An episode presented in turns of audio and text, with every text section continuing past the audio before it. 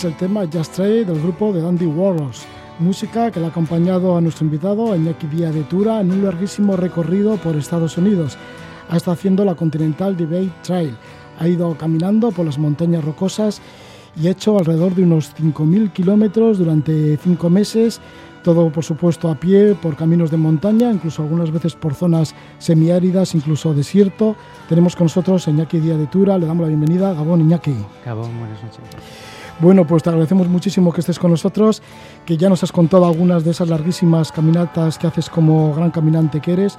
Por ejemplo, recuerdo que en el año 2006 realizaste la Pacific Crest, que va desde la frontera de Estados Unidos con México hasta la British Columbia en Canadá. En el 2008 hiciste 8.000, ki- oh, perdón, iba a decir 8.000, 800 kilómetros por el sendero de las montañas rocosas del Colorado en este caso. Y luego, bueno, pues también has hecho otras caminatas por Escocia, por la estepa de Mongolia, por los Pirineos, por los Alpes, por la cordillera Cantábrica que te las has atravesado, por los fiordos de Noruega. No hace mucho también nos hablaste aquí de tu caminar por Terranova, pero esta vez una caminata impresionante, ¿no? Seguramente que es la más larga que has hecho. La más larga, sí, sí, sí, sí. Sí. ¿Y por qué la música de Andy Warhols y este tema? Bueno, para mí es eh, música del oeste. Eh, es- es- este viaje era en el oeste, ese que sale en las películas, pues eh, es algo así. Y bueno, es una música que, que yo asociaba al oeste y es una música que ha estado conmigo durante el viaje. ¿Por cuántos estados has caminado para realizar esta ruta? Eh, en total son cinco, eh, los estados más o menos del centro oeste de Estados Unidos, Montana, de norte a sur, Montana, Idaho, eh, Wyoming, Colorado y Nuevo México. ¿Qué significa esta Continental Day Trail? La idea de la ruta es seguir la divisoria continental, la divisoria de aguas, es decir, aquel, aqu- esa línea que marca eh, si, eh, si el agua vierte al Atlántico o al Pacífico. Es una divisoria de aguas como hay tantas en el mundo, pero esta es muy especial en el sentido de que los dos océanos están muy lejos de, la propia divisoria. Norteamérica es un continente gigantesco. Y, bueno, pues tiene, tiene, un, tiene un factor eh, eh, curioso y, por llamarlo de alguna forma, muy guay, eh, ir caminando sabiendo que, que el agua para acá vierte al Atlántico que está a tomar por saco o al, o al Pacífico que está casi tan lejos. Y bueno, pues sí, la, la idea de la ruta es esa, es eh, seguir esa divisoria de aguas lo más cerca posible. Según la zona, puedes estar caminando por una, por, por una cresta montañosa que es la propia divisoria. Hay veces que la propia cresta es eh, incaminable y, y hay que enlazar valles y collados. Pero la idea de la ruta es eh, seguir esta divisoria de aguas. ¿Casi siempre es entre montañas? Sí, sí, bueno, eh, salvo unos, unas pequeñas zonas de transición, al final eh, una divisoria de agua suele estar en terreno montañoso. Hay algunas zonas de transición entre macizos donde estás caminando por zonas de meseta, pues son más bien colinas más que montañas, incluso algunas zonas completamente llanas, pero eh, lo curioso es que sigue siendo la divisoria de aguas. Una vez que te metes en esta divisoria de aguas, en este recorrido del Continental Day Trail, es todo como muy salvaje. Quiero decir que vas dejando poco a poco la civilización según pasan los días, las semanas, los meses. La dejas desde prácticamente el principio. Eh, el oeste de Estados Unidos está muy vacío, muy vacío de, de población humana. Las poblaciones que hay están muy lejos, eh, unas de otras, son muy pequeñas. Que las ves desde la montaña, divisando el horizonte. Ahí hay un pueblo. Ni siquiera. Casi, casi nunca, casi nunca. Están demasiado lejos. Casi nunca. Y es, es todo bastante remoto. Hay obviamente zonas que están un poquito más eh, urbanizadas, hay zonas que son relativamente populares entre, entre montañeros y tienen muchos senderos, eh, es fácil llegar a ellos y porque hay carreteras cerca y entonces te encuentras gente caminando por allí, pero buena parte del recorrido es bastante remoto, para, por lo menos para estándares europeos. Entonces, Iñaki, bueno, tú ya tienes experiencia, pero así todo, dices, me esperan 5.000 kilómetros, me, espera, me esperan un montón de montañas, me espera un mundo desconocido, que voy a ir solo, aunque seguramente que igual encontrarás a otros montañeros por allí. Pero bueno, o sea que hay un montón de dudas antes de empezar, supongo. Sí. Porque eh, vas a poder aguantar tantos días. eh, claro, Cinco meses caminando. Nunca sabes antes de empezar. Tampoco estás pensando en el final. Yo que sé, que te sale un oso. Sí, hay muchísimos, de hecho, muchísimos, a lo largo de prácticamente todo el recorrido. Lobos, no. Eh, los hay también, Ah. menos, pero los hay. Se están recuperando. Fueron, se perdieron prácticamente, igual que aquí. Eh, Pero se están recuperando. Sí, sí los hay. A veces se, se les oye, es muy difícil verles, pero a veces les puedes oír. Yo no llegué a oír a, a oír a lobos, pero eh, eh, me ha contado gente que sí que les ha oído.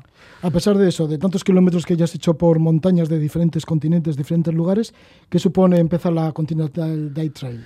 Digo, en cuanto a nervios, en cuanto a qué, qué sucederá. Bueno, es, eh, para mí era eh, un sueño que tenía, algo que quería hacer desde hace muchos años. Me ha costado encontrar el tiempo y me ha costado tanto que una vez que puse el pie en el sendero, lo puedo hablar en genérico porque yo creo que esto es un sentimiento muy común a mucha de la gente que hace este tipo de viajes. Una vez que pones el pie en el sendero, lo más difícil está hecho. A partir de ahí eh, es todo duro trabajo eh, físico y mental pero yo no tuve ninguna duda de, de que quería terminarlo y de que nada me lo iba a impedir, salvo alguna cosa catastrófica que siempre puede pasar y no ha sido el caso afortunadamente, pero que por mí no iba a ser. Sí, porque para empezar necesitas cinco meses para hacer este camino. Sí. A ver dónde sacas cinco meses Claro, en esta vida tan atra- De- atareada. sí, efectivamente, de hecho, para mí ha sido seguramente la parte más difícil. Y una vez conseguido eso, el resto no voy a decir que fuera pan comido, porque no lo es, pero, pero yo sentía que una vez conseguido el tiempo, el resto era ya dependía solo de mí. Ya, ¿y qué es caminar sin parar, siendo autónomo? Sí, sí, sí. Eh, esto, bueno, es una ruta pues, similar a, a rutas de largo recorrido que puede haber en Europa, en los Pirineos, precisamente, una ruta transpirenaica, por ejemplo, de las, de las típicas que, que- que conocemos todos, eh, la gente de montaña al menos, solo que mucho más largo. Y, en un terreno bastante más remoto en el sentido de que, eh, pues como mencionaba antes, la civilización humana está mucho más lejos de media y suele tardar un montón de días entre, entre un cruce de una carretera y el siguiente. Con lo cual, sí, necesitas mucha autonomía y eh, luego además, al ser un sendero de montaña, eh, eh, en zonas además que tienen un clima muy riguroso, la ventana es muy estricta. La ventana temporal para hacerlo es muy estricta, son cinco meses. Es muy difícil eh, tomar más tiempo porque esté bien encima el invierno. Con lo cual, claro, eh, 5.000 kilómetros, cinco meses, eh, eso implica que hay que caminar mucho, todos los días. Todos los días y cuántos kilómetros cada día. De media, bueno, intentaba hacer eh, por encima de 40 cada día, aunque luego siempre hay días más cortos, hay días de descanso también. En total, al final, eh, de los 141 días que, que- que me ha llevado a hacer la ruta, eh, la media ha venido a ser de treinta y tantos kilómetros al día, contando los días de descanso. Está bien señalada esta ruta de la Continental Day Trail, Hay esos de- 5.000 sí. kilómetros. Hay de todo, hay de todo. Es una ruta larguísima y allí, pues, eh, claro, eh, hay zonas en las que los senderos son de muy buena calidad porque son zonas de montaña con tradición montañera, con lo cual tanto los senderos como la señalización suelen ser bastante buenos.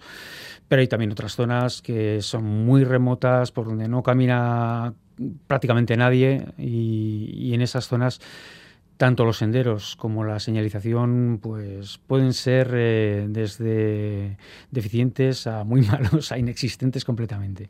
Entonces, ¿qué haces? ¿A veces te pierdes? A veces te pierdes. Hoy en día también eh, con el uso de, de GPS y demás todo es mucho más fácil de lo que lo era hace unos años. ¿Cómo terminaban las jornadas? Pues muy cansado y deseando montar campamento y cenar y irme a dormir para volver a repetir al día siguiente. Muy cansado, eran jornadas muy largas. Al principio, en primavera, eh, jornadas larguísimas de 14 horas caminando, incluso más. Eh, luego, según los días se van acortando, las jornadas van siendo más cortas, pero más estresantes también, porque necesitas seguir haciendo la distancia, pero esta vez con menos horas de luz. Cargado con las provisiones, con todas las provisiones para varios días. Sí, para varios días. Lo normal era cinco días habitualmente. y había etapas más cortas, también más largas. Mi etapa más larga ha habido varias de ocho días. no más de ocho, en mi caso al menos. Ocho días sin bajar de la montaña o en donde estés. ¿Y para aprovisionarte qué hacías?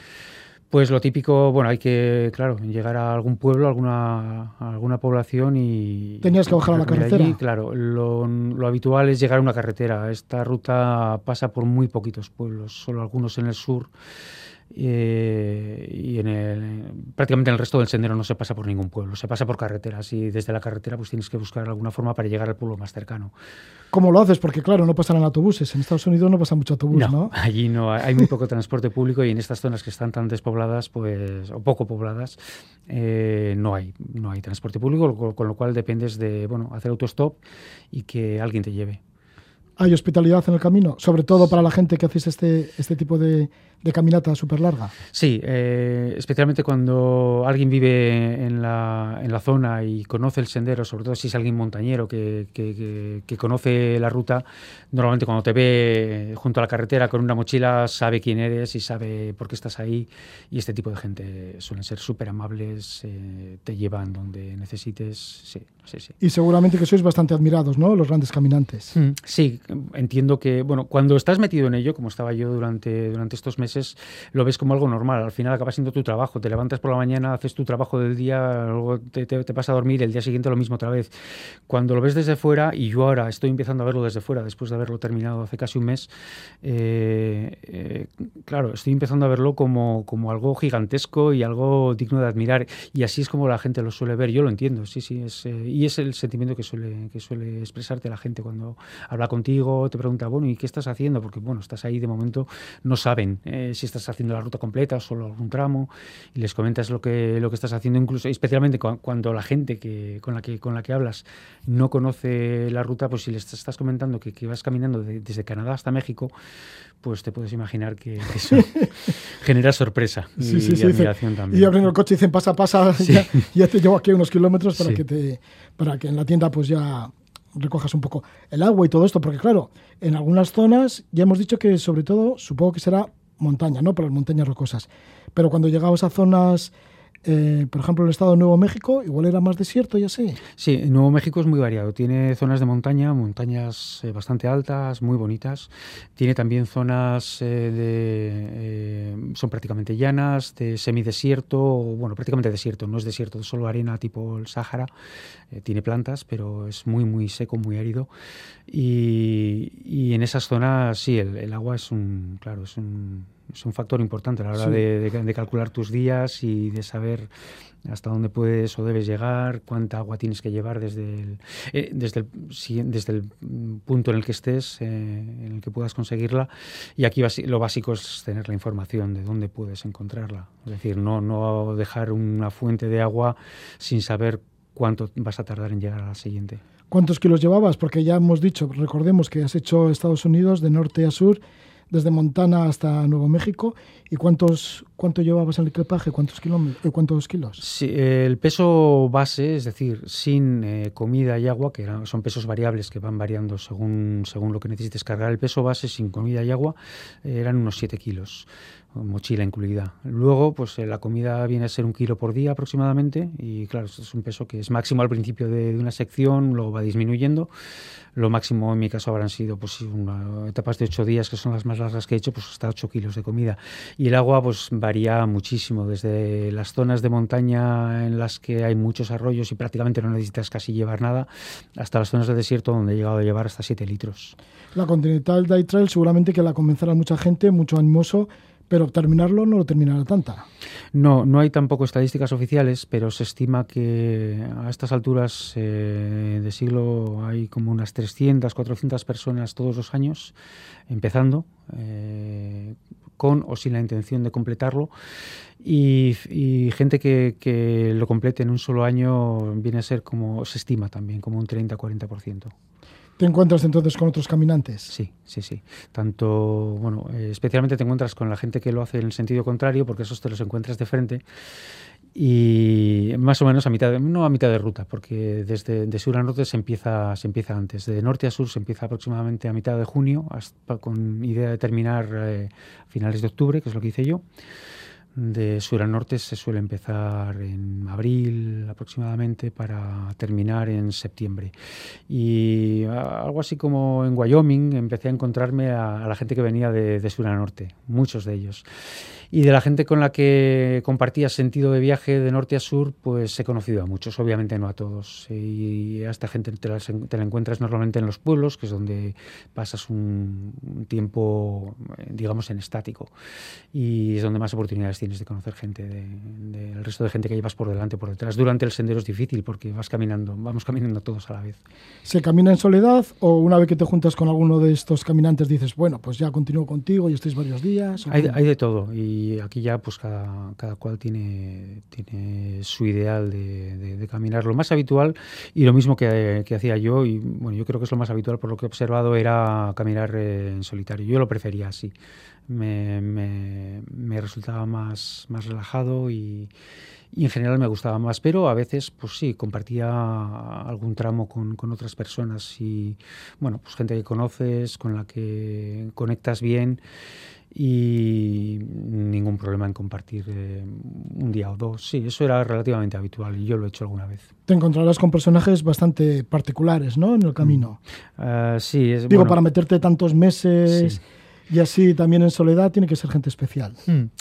Es un viaje que requiere mucho compromiso personal. Eh, es eh, físicamente muy duro, mentalmente muy duro también, entonces necesitas tener muchas ganas para, para planteártelo y para ir ahí. Sí, porque es un camino de Santiago, pero a la bestia. A la bestia, eso es. Sí, sí, sí. además por, por zonas eh, bastante remotas donde eh, estás eh, solo eh, en el sentido más amplio de la expresión, sobre todo, y lo más importante de esto es no, no, la soledad en sí, sino la responsabilidad que conlleva, porque cuando tengas que resolver cualquier cosa vas a tener que hacerlo tú, no va a haber nadie más. Entonces, bueno, esto como que requiere bastante fuerza mental. Normalmente todo va bien, pero ah, las cosas a veces se tuercen. Lo mismo que pasa en la vida urbana también. Hay días que, las cosas se tuercen, las cosas van mal. Y en el, en el sendero, pues eh, va a haber días de estos.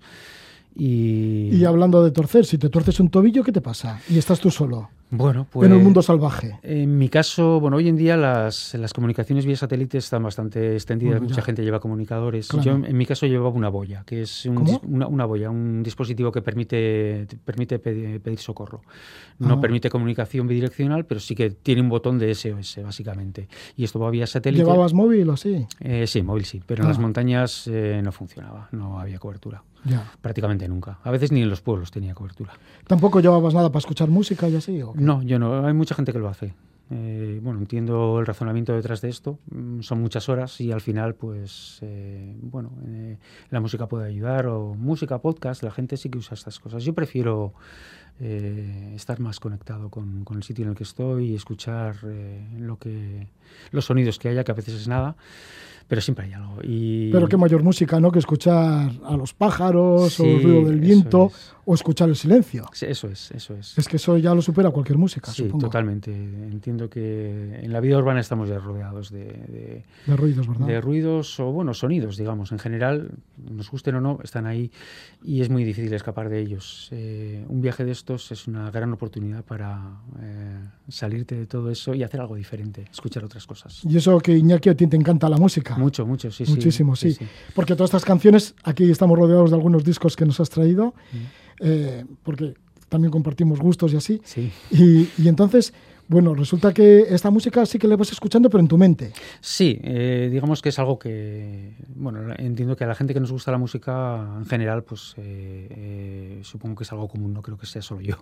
la música está conmigo, la mm. esté escuchando físicamente o no. Y en el sendero hay muchas horas de, estar contigo mismo, hay veces que hay que prestar atención a lo que estás haciendo por temas de orientación o terreno complicado, pero hay muchas veces que puedes simplemente dejar ir la mente porque sabes, está muy claro por dónde tienes que ir no tienes que pensar eh, o estar demasiado enchufado con lo que estás haciendo y puedes dejar ir la mente. Y en esos momentos la música es una gran compañera. Estar contigo mismo mm, mm, ¿Te encuentras a gusto según pasan los días o ya desde el principio? ¿O hay días que no estás muy a gusto contigo mismo? Hay de todo. Eh, es lo que mencionaba antes. Es como la, hay un paralelismo claro entre la vida en el sendero y la vida urbana. Lo mismo que tienes días en los que estás fantástico y, y otros días no tanto y otros días te sientes fatal por, eh, por, algún problema físico o simplemente porque tu mente ese día no está bien. Pues hay días eh, de esos también. Hay, hay de todo. En general, eh, a mí me, me, resulta muy enriquecedor ese tiempo conmigo mismo que es tan difícil de conseguir en la, en la vida urbana moderna. Y, y, ese tiempo para bueno, pensar en, en, lo que me dé la gana o simplemente dejar a mi mente ir a donde quiera. Y eso yo creo que es, es un tesoro y es una de las cosas que, que, que, hacen que me guste tanto este tipo de actividad. Sí, porque además ayudará al caminar. Sí, el, el, caminar de hecho es, un, bueno, es algo mecánico. Ya digo, bueno, hay veces que sí que tienes que prestar atención o las cosas se ponen feas porque hace mal tiempo, porque viene una tormenta, porque está lloviendo, porque hace mucho frío, por lo que sea, pero hay veces que, bueno, la situación es simplemente eh, el estar ahí, eh, en el sendero, seguir el, camino y no tienes que pensar demasiado. Hay muchos ratos de estos. Entonces, ahí, eh, bueno, pues sí, son, son ratos de, muy, muy, íntimos contigo mismo, en un entorno además que, que, que, es, que es tan grandioso como las montañas y en sitios, pues, como, como, los que encuentras a lo largo, a lo largo de esta ruta, que, que, son realmente remotos, por donde va muy poca gente y donde la naturaleza está muy bien conservada.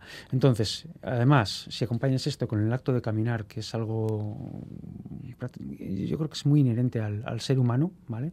Es algo que, que, hacemos muy bien los seres humanos y que nos da un ritmo que yo creo que nos ayuda a, a estar bien en el mundo y a, y a pensar y a dejar que nuestra mente esté sana. Entonces, juntas todo eso y, y bueno, el resultado es, es, muy interesante. Sí, luego me gustaría preguntarte por la salud y también por si hubo momentos de desánimos. Pero ahora vayamos un poquito por el paisaje, porque también has pasado por zonas emblemáticas, entre ellas el Parque Nacional de Yellowstone. Sí, sí, sí. Es, eh, eh, bueno, Yellowstone el, el, nombre sin duda lo conoce todo el mundo, mucha gente habrá estado allí.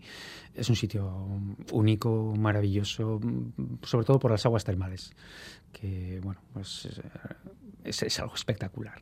Quizá era, bueno, era, es casi una de las partes... ¿En eh, las aguas termales te, te, metías así para limpiarte y así todo calentito? Eh, alguna vez. Eh, no es fácil porque normalmente es agua hirviendo, entonces bueno, ahí no te puedes meter, pero sí que hay sitios que además son conocidos, están documentados, donde hay alguna mezcla de agua caliente y fría y ahí, ahí sí, ahí sí se, se puede hacer. Sí, sí.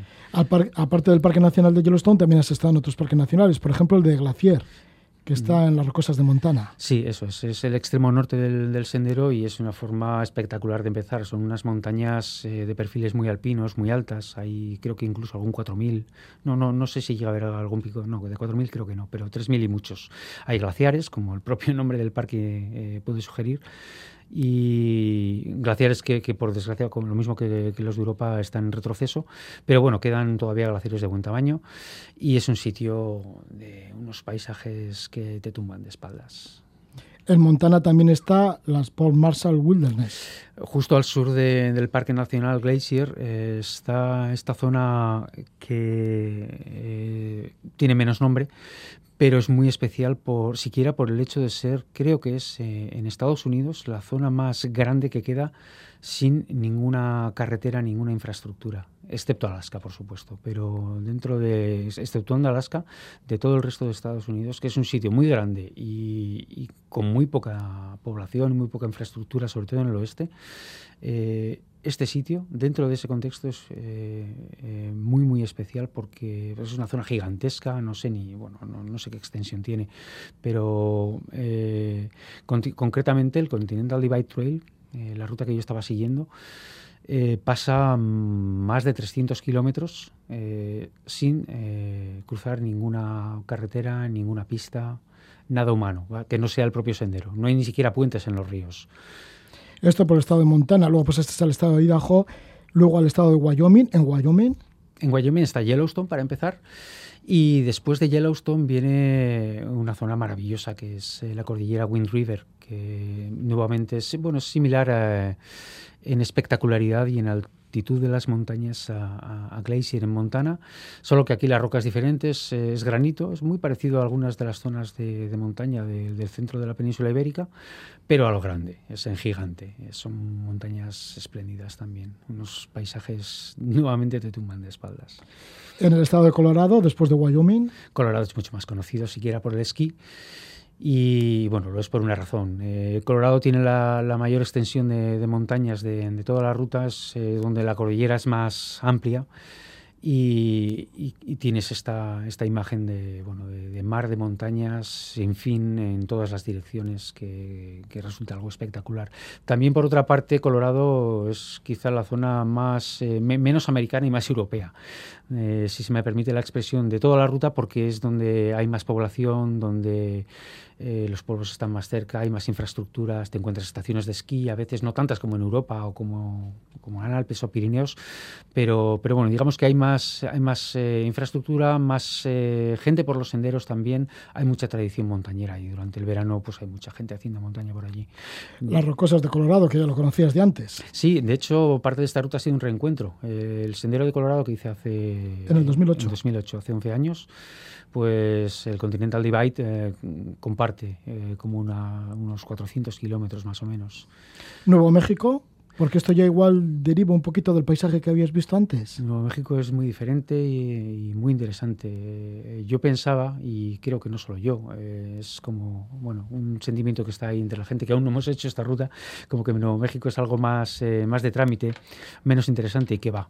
no voy a decir al contrario, porque el resto es muy bonito también, pero Nuevo México es sorprendente, es, es bastante más seco.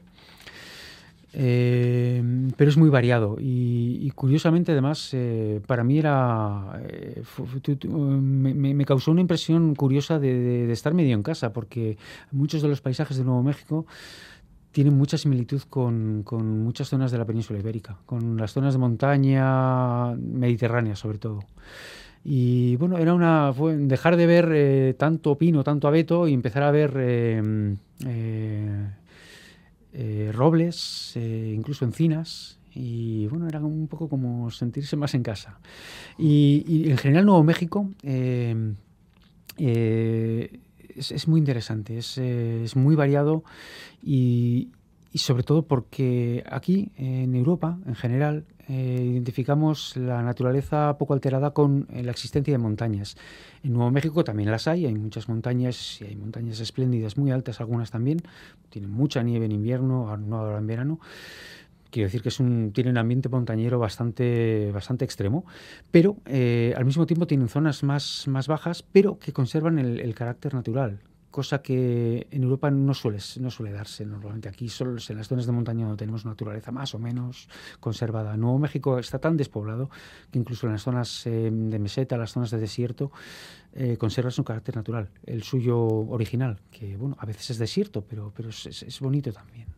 Estamos con Iñaki Díaz de Tura, nos está acompañando aquí en este programa, en Levando Anclas. Iñaki, que ha estado en varias ocasiones con nosotros y no es para menos porque ha hecho larguísimos recorridos, nos está hablando del último, justamente el más largo de todos.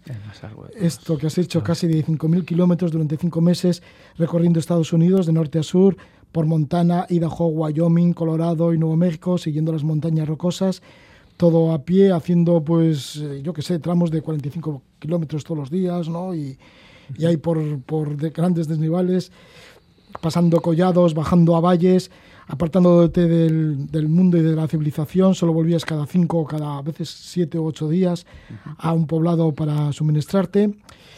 Y todo esto seguramente con algún desánimo que otro. Sí, claro. Porque llegarán momentos que ya físicamente o moralmente, psicológicamente dices, bueno, ¿qué estoy haciendo yo aquí? Muchas veces. Porque algunas veces estás tropezado físicamente también. Digo, que si te caes, que si te... Hmm. Sí, bueno, tuve... Que si tienes que pasar un río, que te calas, que yo qué sé. Sí, sí, sí, todo eso, todo eso. Que si una noche te lo pasas mal pensando en el oso, yo qué sé. eso, eso no. no, Llega el momento que te acostumbras y, bueno, te sientes casi parte del lugar. Durante la noche hay muchos ruiditos, hay muchos animales moviéndose por ahí y no, no, no incomoda en absoluto, al menos no a mí. Yo creo que una vez que estás allí, no, eso, no sucede. Pero todo lo demás sí. Eh, tuve una, una torcedura de tobillo que has mencionado antes, no fue grave, pero, pero bueno, sí, son cosas que, pueden pasar. Eh, y luego desánimos, eh, días en los que estás harto y te quieres ir a casa y piensas, ¿qué leches estoy haciendo aquí? Sí, muchos, muchos. En esos momentos, eh, bueno, son, momentos que, que, has de saber que van a llegar. Es un viaje muy largo, entonces va a pasar de todo. Y va a haber momentos de estos. Y tienes que estar preparado para que cuando llegue un momento de estos, saber que va a pasar también los malos momentos pasan también. Y sí, hay días que sea por esfuerzo físico, porque, porque hace mal tiempo, mucho frío, o porque no para de llover y estás harto ya y, y sí, piensas, ¿qué estoy haciendo aquí? ¿Por qué no me voy a mi casa?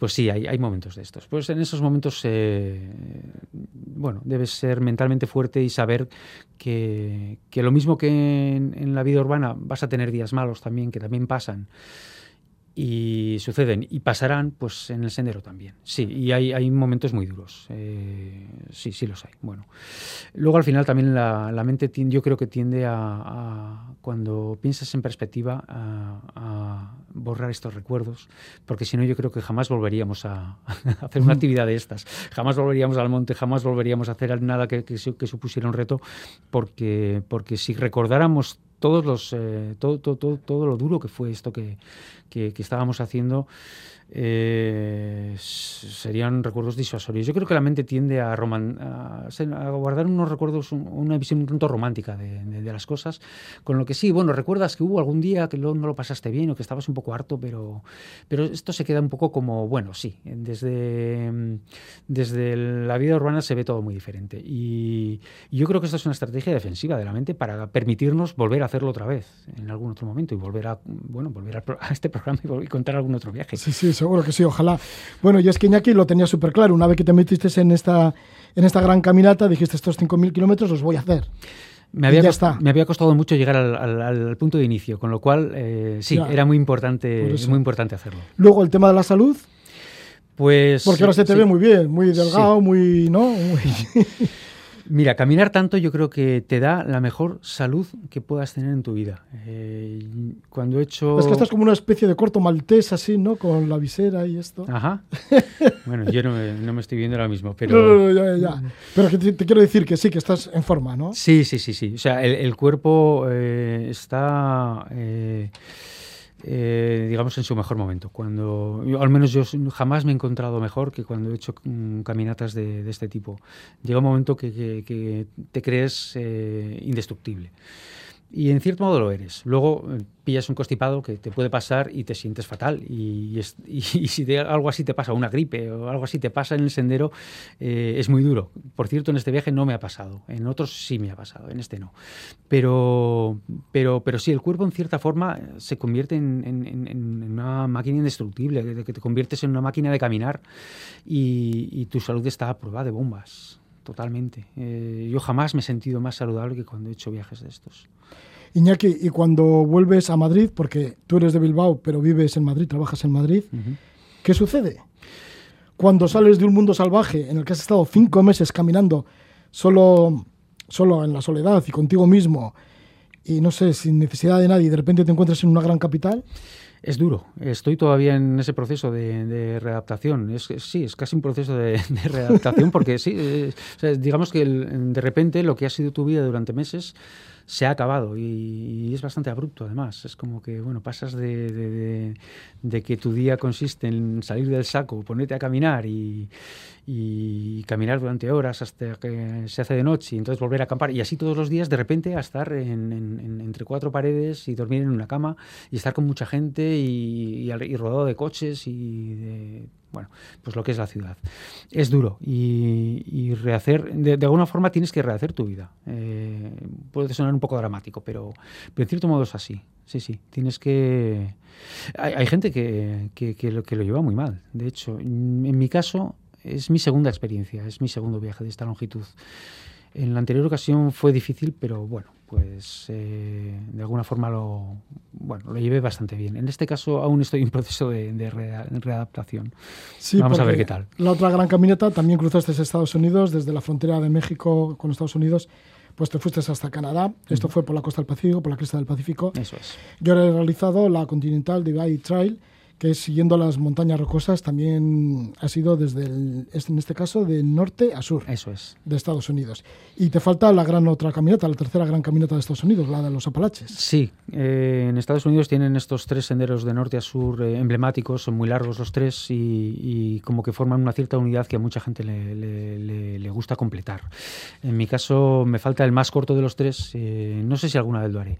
Es el que menos me atrae. Está en la, en la zona este del país que es la más habitada, es lo más parecido a, a lo que puedes ya encontrar en Europa, con lo cual eh, no tengo muy claro que alguna vez lo haga. Quizá. Bueno, ya nos seguirás contando más aventuras y más grandísimas caminatas. Estamos con Iñaki Día de Tura y luego además estas caminatas las recoges en tu blog que es viajarapie.info, Ujú, correcto. que es una página ya bastante conocida para los grandes caminantes. Pues te agradecemos muchísimo que vengas de Madrid, que estés un rato con nosotros aquí en este programa, en Levando Anclas. Y un fuerte abrazo, Iñaki. Un abrazo, Gracias Roge, por un placer como siempre. Muchas, muchísimas gracias por tenerme aquí. Gracias, Millesker.